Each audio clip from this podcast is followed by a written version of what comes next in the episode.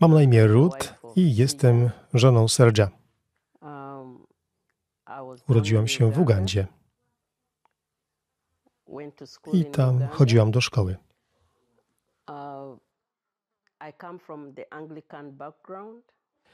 Pochodzę ze środowiska anglikańskiego, ale kiedy poszłam do liceum, była to szkoła misyjna założona przez Anglikanów z Anglii.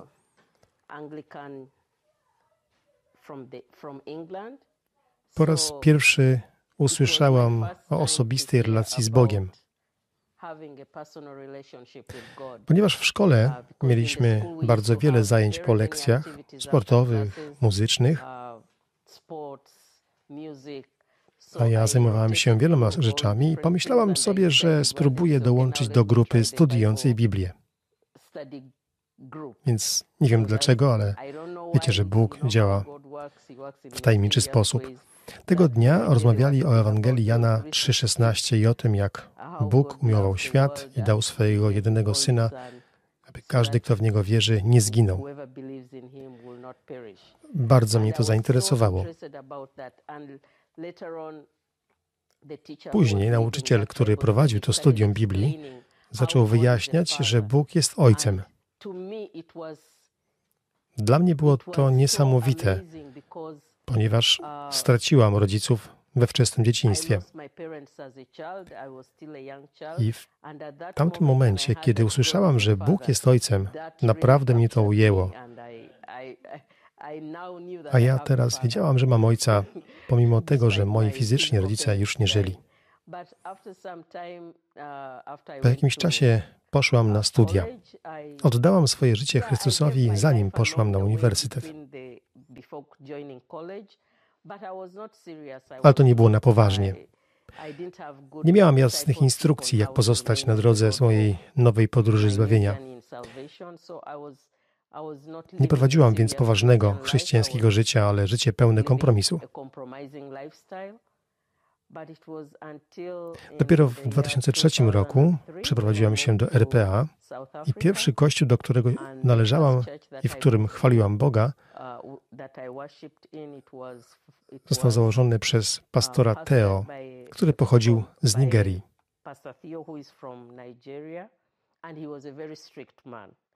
Kiedy przemawiał, był bardzo surowym człowiekiem. Nie mówił w sposób, który podobałby się ludziom. Przekazywał słowo takim, jakim jest. Właściwie nazywam siebie pierworodną jego przywództwa, ponieważ pierworodni zawsze otrzymywali najlepszą dyscyplinę od rodziców. Tak więc sposób, w jaki słowo było tam głoszone, odebrałam jako dyscyplinę wobec mnie.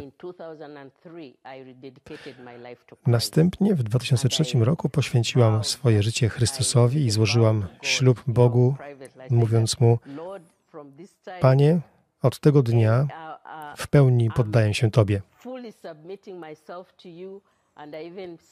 I spraw, Panie, aby następny mężczyzna, z którym kiedykolwiek będę, był moim mężem. A jeśli jakikolwiek mężczyzna spróbuje do mnie przyjść, a nie jest z Ciebie, zapieczętuj jego usta. I Bóg naprawdę odpowiedział, ponieważ kiedy czekałam, myślałam, że stanie się to automatycznie, ale nie stało się to automatycznie. Zaczęłam czekać rok. Najpierw nic się nie działo.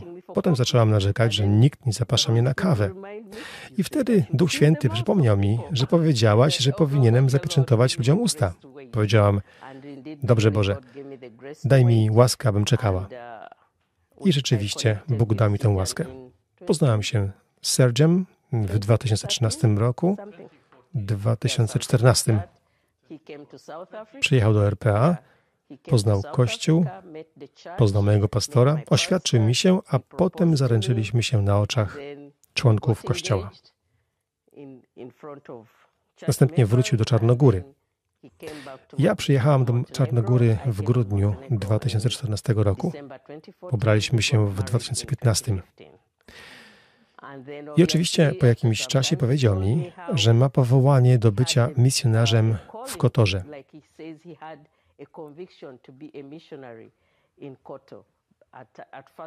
Na początku nie wierzyłam w to, ponieważ moim zamysłem było to, aby być częścią Kościoła i być dostępną, żeby robić wszystko, co potrzeba.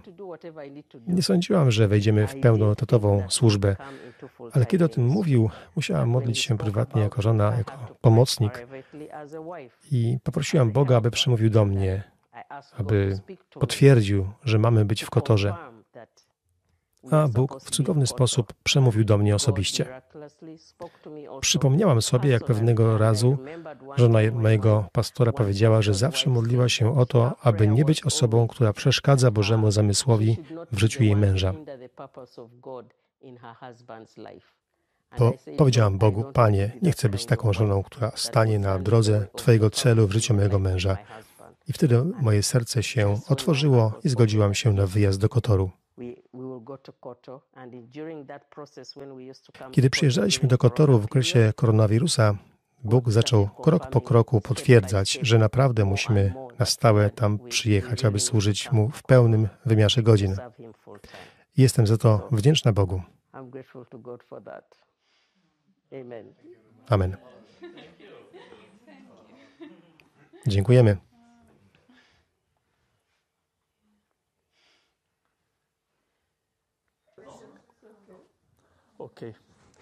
Dzień dobry. Jestem Serjan z Sarajewa. Urodziłem się w Sarajewie. Potem, kiedy wybuchła wojna w 1992 roku, miałem 20 lat. Przeprowadziłem się do Czarnogóry. W tamtym czasie nie wiedziałem nic o Bogu. Nawet nie czytałem Biblii.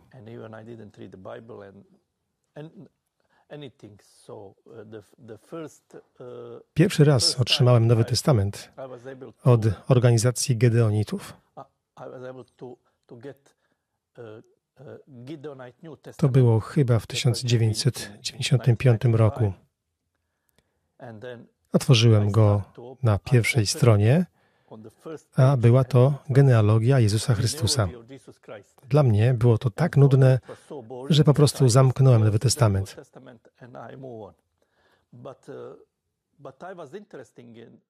Ale byłem zainteresowany tymi sprawami, ponieważ kocham historię i uwielbiam badać kwestie naukowe.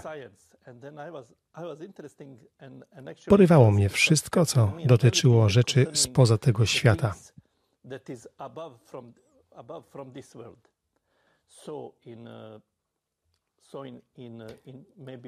Chyba w 2000 roku spotkałem w Czarnogórze pewnego człowieka, który był wierzący, a pochodził z Mostaru w Bośni. Poznaliśmy się i zaczęliśmy się przyjaźnić. Chodziliśmy na kawę i spędzaliśmy razem dużo czasu. Wtedy po raz pierwszy zainteresowałem się Biblią i sprawami Bożymi.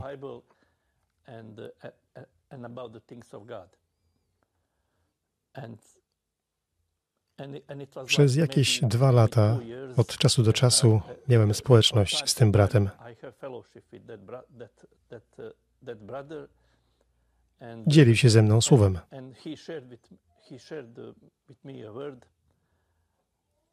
Kilka razy dzwonił do mnie, zapraszając do kościoła, ale odmawiałem.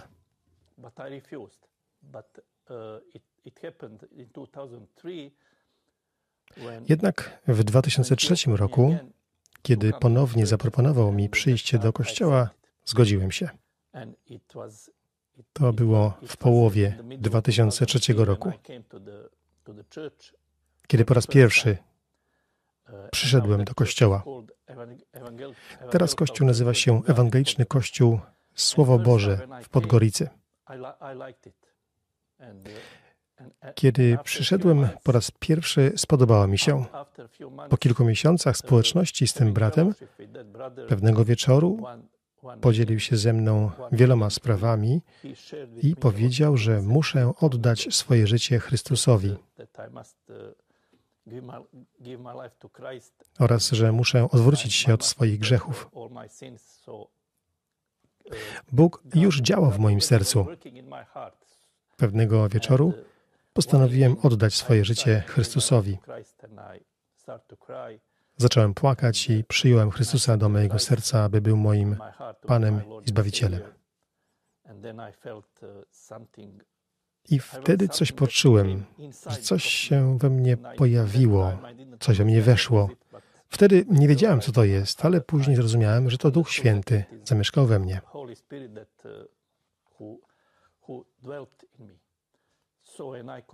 Tak więc nadal przychodziłem do kościoła. W 2004 roku zostałem ochrzczony.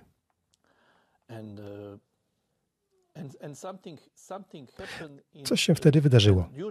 W tamtym czasie pracowałem jako inżynier w fabryce aluminium w Podgoricy, jako inżynier elektrotechnik. I natychmiast zacząłem się dzielić słowem z moimi kolegami. Dla nich było to bardzo dziwne, to co się ze mną działo. Coś wydarzyło się w moim umyśle, ponieważ całkowicie nawróciłem się z systemu tego świata do Chrystusa. Uh,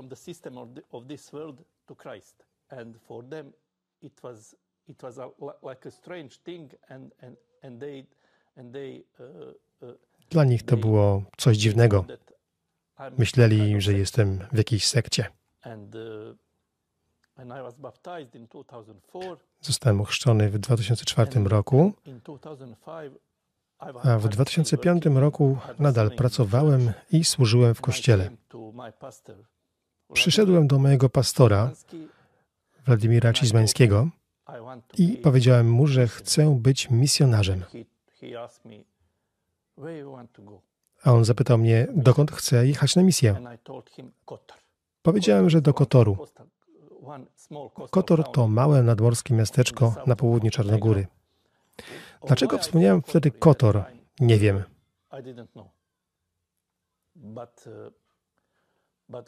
Ale Bóg zaczął coś robić w tej sprawie. Zacząłem modlić się za Kotor, aby powstał tam kościół. Potem do Kotoru przybyły dwa statki. Dulos, a po 2007 roku Logos. Byłem wolontariuszem na jednym ze statków kilka razy po kilka dni. Służyłem w kościele, chodząc do pracy w tym samym czasie. W 2015 roku ożeniłem się. Wraz z żoną nadal służyliśmy w kościele.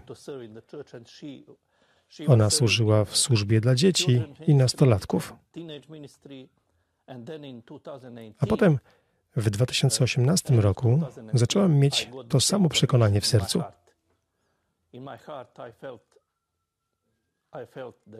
Czułem w sercu, że Bóg wzywa mnie do bycia misjonarzem. W okresie od 2008 do 2012 roku w Kotorze był kościół. Był to kościół złożony z 20-25 wiernych. Ale niestety pastor, który prowadził ten kościół, przeniósł się do Serbii.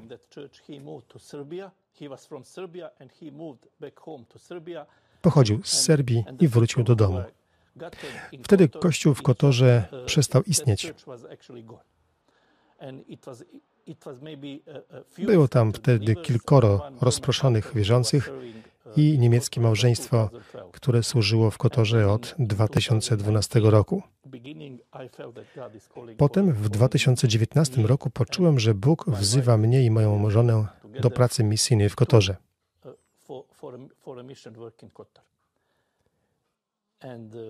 W 2020 roku powiedziałem o tym mojemu pastorowi, a on powiedział mi, wiesz co, w czasie korony po prostu idź porozmawiać z Wynim. Wyni był Niemcem, który mieszkał blisko Kotoru. Mieli tam dom. Pastor powiedział mi, żebym odwiedził ich w weekend i zobaczył, jak Bóg rozwinie tę posługę. Posłuchałem tej rady i wraz z żoną zaczęliśmy jeździć do Kotoru co drugi lub trzeci weekend, aby w domu Winiego studiować Biblię i chodzić na spotkania z ludźmi w Kotorze. To był trudny czas z powodu lockdownu. Przyjeżdżaliśmy w piątek po południu, a ponieważ w weekend nie można było wyjechać poza miasto, to wracaliśmy wcześniej rano w poniedziałek, abym mógł iść do pracy. Było to chyba w 2020 i 2021 roku.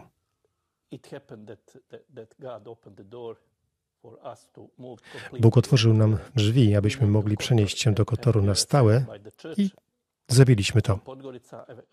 Zostaliśmy posłani przez Kościół Słowo Boże w Podgoricy w listopadzie 2021 roku. Jesteśmy tam od około półtora roku. To niesamowite, jak Bóg zawsze zna czas, kiedy spełni to, co obiecał.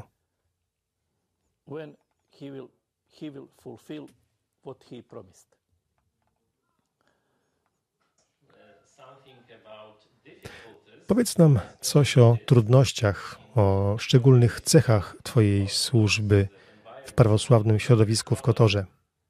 Jest to wyzwanie, ponieważ Kotor to miasto, w którym między 60 a 70% ludzi wyznaje prawosławie i należy do serbskiego kościoła prawosławnego. Przywiązanie do tradycji jest tam bardzo silne.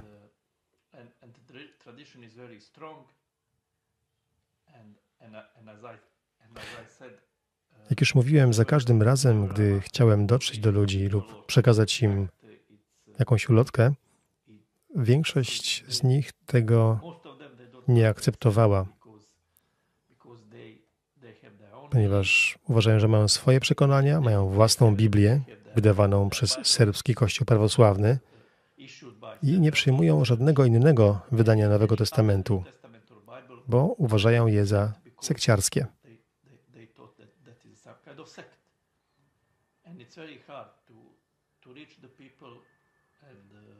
Bardzo trudno jest dotrzeć do ludzi, ale wiem, że Bóg jest wierny.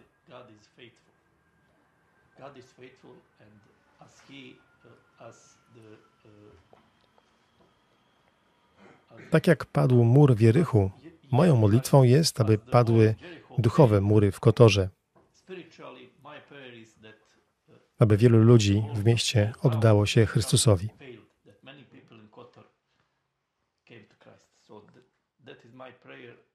Taka jest moja modlitwa.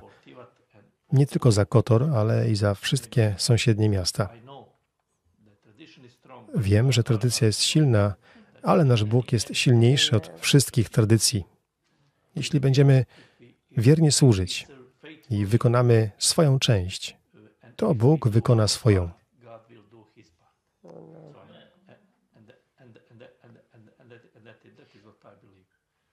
W to wierzę.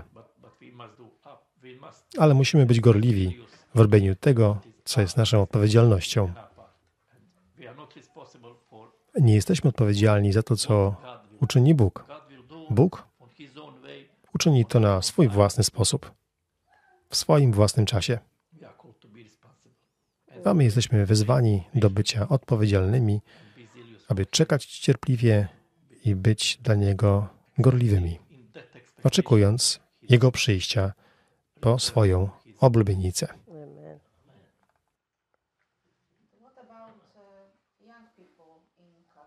A co z młodymi ludźmi w Kotorze? Czy są tak samo tradycyjni? Są też prawosławni, czy też się różnią? Są tradycyjni.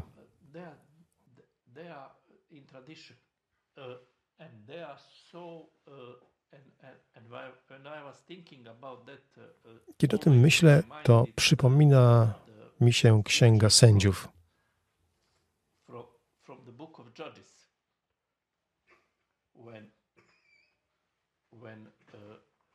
Czytamy tam, że Izraelici podążali za Panem w czasach Jozułego i w czasach starszych, którzy przyszli po Jozułem.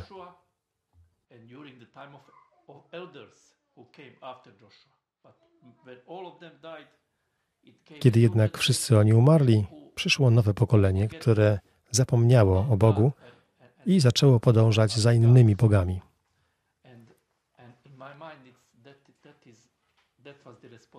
Tak więc i w moim umyśle jest ta odpowiedzialność za ich przodków, ponieważ nie powiedzieli oni swoim dzieciom, jak podążać za Panem. W Starym Testamencie było nawet przykazanie, kiedy Mojżesz powiedział im: Uczcie swoje dzieci dróg Pana. Uczcie ich dla następnego pokolenia. Nie udało im się to. Zauważyłem, że w tym prawosławnym środowisku, w bardzo prawosławnych rodzinach, rodzice bardzo chronią swoje dzieci.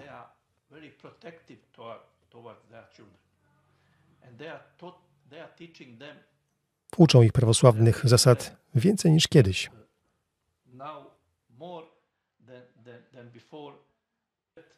Nie chcą mieć nic wspólnego z czymkolwiek spoza prawosławia.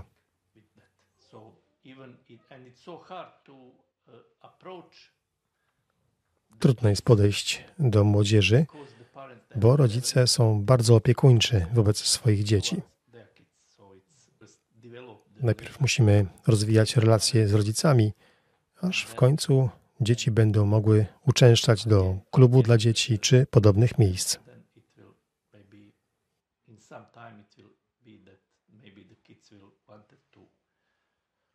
vatten